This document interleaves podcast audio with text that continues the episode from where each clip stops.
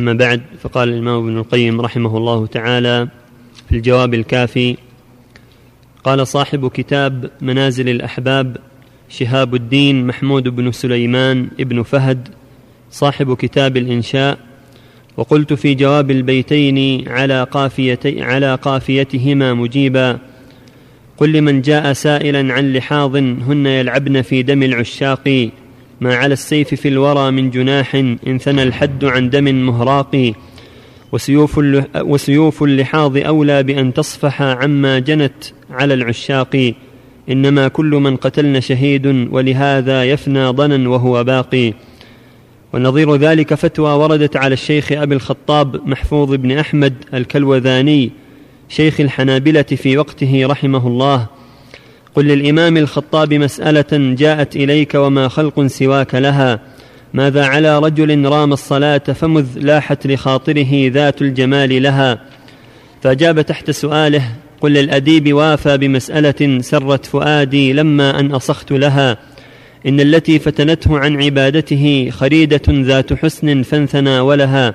إن تاب ثم إن تاب ثم قضى عنه عبادته فرحمة الله تغشى من عصى ولها.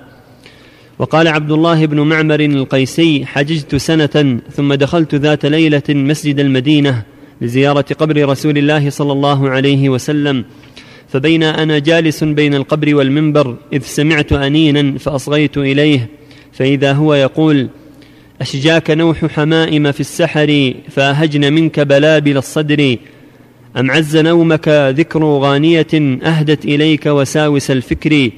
يا ليلة طالت على دنف يشكو السهاد وقلة الصبر. أسلمت من تهوى لحر جوى متوقدا كتوقد الجمر. فالبدر يشهد أنني كلف مغرا بحب شبيهة البدر. ما كنت أحسبني أهيم بها حتى بليت وكنت لا أدري. ثم انقطع الصوت فلم أدري من أين جاء.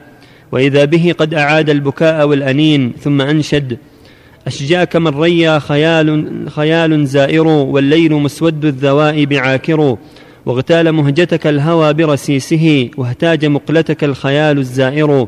ناديت ريا والظلام كأنه يم تلاطم فيه موج زاخر والبدر يسري في السماء كأنه ملك ترجل والنجوم عساكر.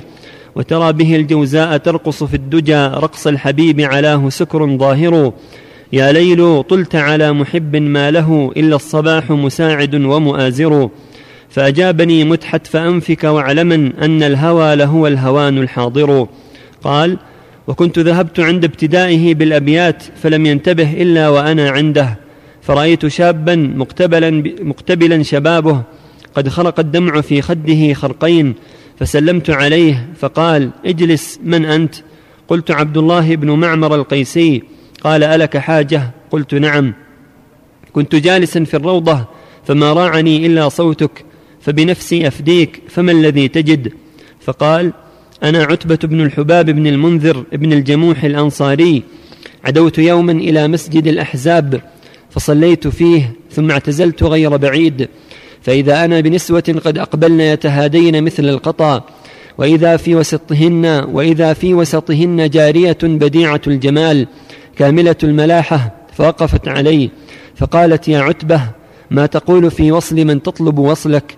ثم تركتني وذهبت فلم أسمع لها خبرا ولا قفوت لها أثرا وأنا حيران أنتقل من مكان إلى آخر ثم صرخ وأكب مغشيا عليه ثم أفاق كأنما صبغت وجنتاه بورس وهو يقول أراكم بقلبي من بلاد بعيدة فيا هل تروني بالفؤاد على بعدي؟ فؤادي وطرفي يأسفان عليكم وعندكم روح وعندكم روحي وذكركم وذكركم عندي. ولست ألذ العيش حتى أراكم ولو كنت في الفردوس في جنة الخلد.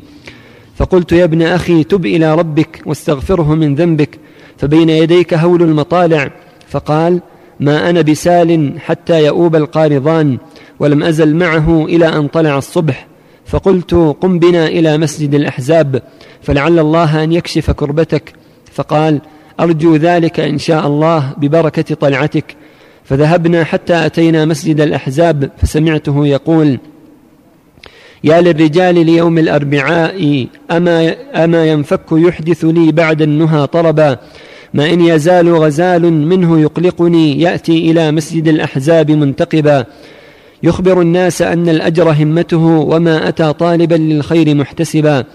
لو كان يبغي ثوابا ما أتى صرفا مضمخا بفتيت المسك مختضبا. ثم جلسنا حتى صلينا الظهر وإذا بالنسوة قد أقبلن وليست الجارية فيهن فوقفنا عليه وقلنا له يا عتبة ما ظنك بطالبة وصلك وكاسفة بالك؟ قلنا أخذها أبوها وارتحل بها إلى أرض السماوة فسألتهن عن الجارية فقلنا هي ريا ابنة الغطريف السلمي فرفع عتبة رأسه وقال خليلي ريا قد أجد بكورها وسارت إلى أرض السماوة عيرها خليلي إني قد عشيت من البكا فهل عند غيري مقلة أستعيرها؟ فقلت له إني قد ور... إني قد وردت بمال جزيل أريد به الستر ووالله لأبذلنه أمامك حتى تبلغ رضاك. فقم بنا إلى مسجد الأنصار. فقمنا وسرنا حتى أشرفنا على ملأ منهم. فسلمت فأحسن الرد. فقلت أيها الملأ ما تقولون في عتبة, في عتبة وأبيه؟ قالوا من سادات العرب. قلت فإنه قد رمي بداهية من الهوى وما أريد منكم إلا المساعدة إلى السماوة. فقالوا سمعا وطاعة. فركبنا وركب القوم معنا حتى أشرفنا على منازل بني سليم سليم. فأعلم الغطريف بنا فخرج مبادرا فاستقبلنا. وقال حييتم يا كرام. فقلنا وأنت فحياك الله إنا لك أضياف. فقال نزلتم أكرم منزل. ثم نادى يا معشر العبيد أنزلوا القوم. ففرشت الانطاع والنمارق وذبحت الذبائح. فقلنا لسنا بذائق طعامك حتى تقضي حاجتنا. فقال وما حاجتكم؟ قلنا نخطب عقيلتك الكريمة لعتبة بن الحباب بن المنذر. فقال إن التي تخطبونها أمرها إلى نفسها وأنا أدخل أخبرها. ثم دخل مغضبا على ابنته. فقالت يا أبتي ما لي أرى الغضب في وجهك؟ فقال قد ورد الأنصار يخطبونك مني. فقالت سادات كرام استغفر لهم النبي صلى الله عليه وسلم فلمن الخطبة منهم؟ قال لعتبة بن الحباب قالت والله لقد سمعت عن عتبة هذا أنه يفي بما وعد ويدرك إذا قصد. فقال أقسمت لا زوجتك به أبدا ولقد نمي إلي بعض حديثك معه.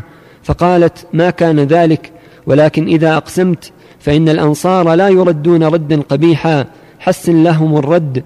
فقال بأي شيء؟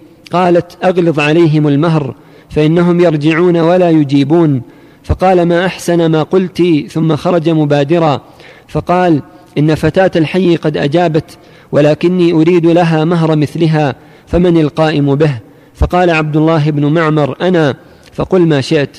فقال ألف مثقال من الذهب ومائه ثوب من الأبراد وخمسة أكرشة عنبر.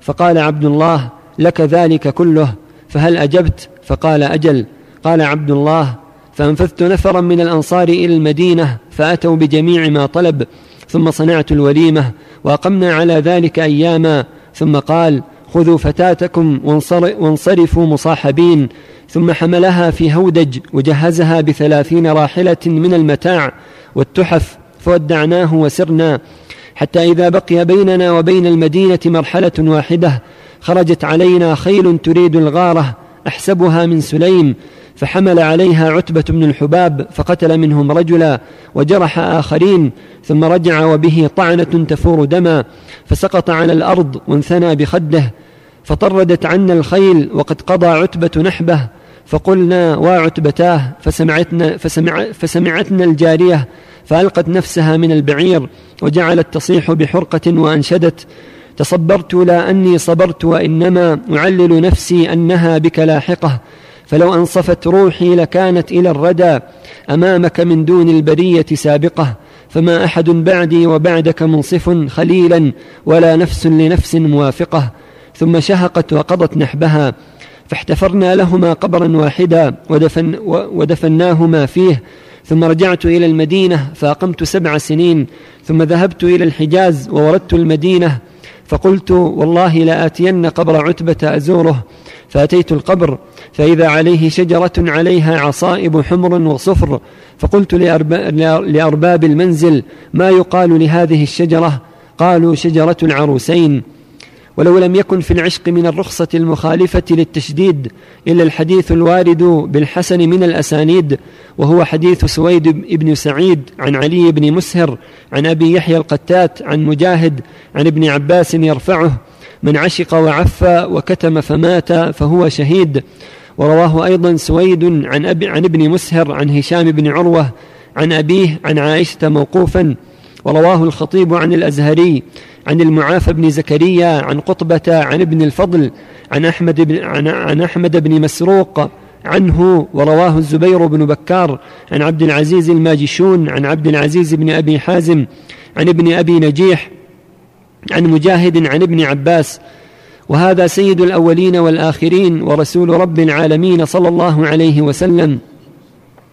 نظر إلى زينب بنت جحش رضي الله عنها فقال سبحان مقلب القلوب وكانت تحت زيد بن حارثة مولاه فلما هم بطلاقها قال له اتق الله وأمسك عليك زوجك. فلما طلقها زوجها فلما طلقها زوجها الله سبحانه من رسوله صلى الله عليه وسلم من فوق سبع سماوات. فكان هو وليها وولي تزويجها من رسوله صلى الله عليه وسلم وعقد نكاحها فوق عرشه وأنزل على رسوله صلى الله عليه وسلم وإذ تقول للذي أنعم الله عليه وأنعمت عليه أمسك عليك زوجك واتق الله وتخفي في نفسك ما الله مبديه وتخشى الناس والله أحق أن تخشاه. وهذا داود نبي الله عليه السلام لما كان تحته تسع وتسعون امرأة ثم أحب تلك المرأة فتزوجها وكمل بها المئة. وقال الزهري أول حب كان في الإسلام حب الرحمن الرحيم اللهم صل وسلم على رسول الله. أما بعد قد بين المؤلف كثيرا من الآفات التي تصيب العشاق والبلايا التي تصيبهم والمحن التي تصيبهم والأمراض وهذا كله من أسباب ما يقع في نفوسهم من الحب لبعض النساء وبعض من يخبرون عنه إما بمشاهدة وإما بأخبار. فهذا يدل على أنه ينبغي للمؤمن الحذر من هذه الأشياء التي قد تفسد عليه دينه ودنياه وتفسد عليه أخلاقه. فينبغي له أن يحذر هذه الأمور وأن يبتعد عن أسبابها بالكلية وأن يتحرى في زواجه المرأة الصالحة ذات الدين ويبادر. أما تطلب أخبار فلانة وأخبار فلانة وما فعلت فلانة وما فعلت فلانة فهذا يجر شرا كثيرا ويؤدي إلى مفاسد كثيرة كما وقع لكثير من العشاق حتى ماتوا بعشقهم ولم ينالوا خيرا. فالحاصل أن الواجب على المؤمن أن يتقي الله وأن يراقب الله وأن يتباعد عن أسباب عشق الصور وأن يحرص على الزواج الشرعي من المرأة ذات الدين وأن يحرص على سؤال الله العافية والسلامة مما بلي به الكثير من الناس. والمؤلف قصد بهذا كله الإخبار عما بلي الشعر وما يصيبهم من البلاء والمحن بأسباب ما يقع في نفوسهم من حب فلانة أو فلانة إما بالخبر عنها وإما بأنه شاهدها في لمحة أو في طريق أو في كذا ثم يبتلى بذلك. فينبغي المؤمن أن يحذر هذه الأمور كما بين المؤلف وأن يتباعد عن أسباب الشر الذي هو العشق الضار المهلك لكثير من الناس. وفيما أباح الله الغنية والعافية عما عما حرم الله. فإذا أراد الزواج سأل وتبصر وسأل أهل الخير فإذا وجدت المرأة الصالحة خطبها وتزوج وعف وابتعد عن أسباب الشر. وأسباب الفساد إما بمخالطة النساء أو بالنظر إليهن أو بأخبار زيد وعمر عن فلانة وفلانة فيضر نفسه ويضر غيره وينبغي له العفة والاكتفاء ما أباح الله والحذر عما حرم الله وأن هذا هو الذي يجب على كل مؤمن ومؤمنة البعد عما حرم الله والحرص على ما أباح الله والحذر من صفات الهالكين وصفات المبتلين بعشق محرم وبلاء محرم وعواقب وخيمة نسأل الله العافية. ولا حول ولا قوة إلا وهذا الذي ذكر أنه نبت على القبر كلها فرية وكذب. والقبور لا لا يكتب عليها ولا يغرس عليها شجر ولا غير ذلك. القبور إنما يدفن ويرفع قدر شبر ويوضع عليه الحصباء والماء ويكفي. أما أن يغرس عليه شجر أو يكتب عليه كل هذا لا يجوز. والنبي صلى الله عليه وسلم لما رأى أطلعه الله على قبرين يعذبان غرس عليهما جريدتين وقال لعله يخفف عنهما لم تيبس هذا خاص بهما. لما أطلعه الله على عذابهما. أما بقية القبور فلم يكن يجعل عليها شيء. لا في البقية ولا في غيره. فالواجب ترك ذلك وأن لا يوضع عليها شيء. لا قليل ولا كثير. إلا مجرد الحصباء والتراب الذي يمسكها ويبين أنها قبور. وفق الله الجميع ورزق الجميع العافية. ولا حول ولا قوة إلا بالله. أثابكم الله.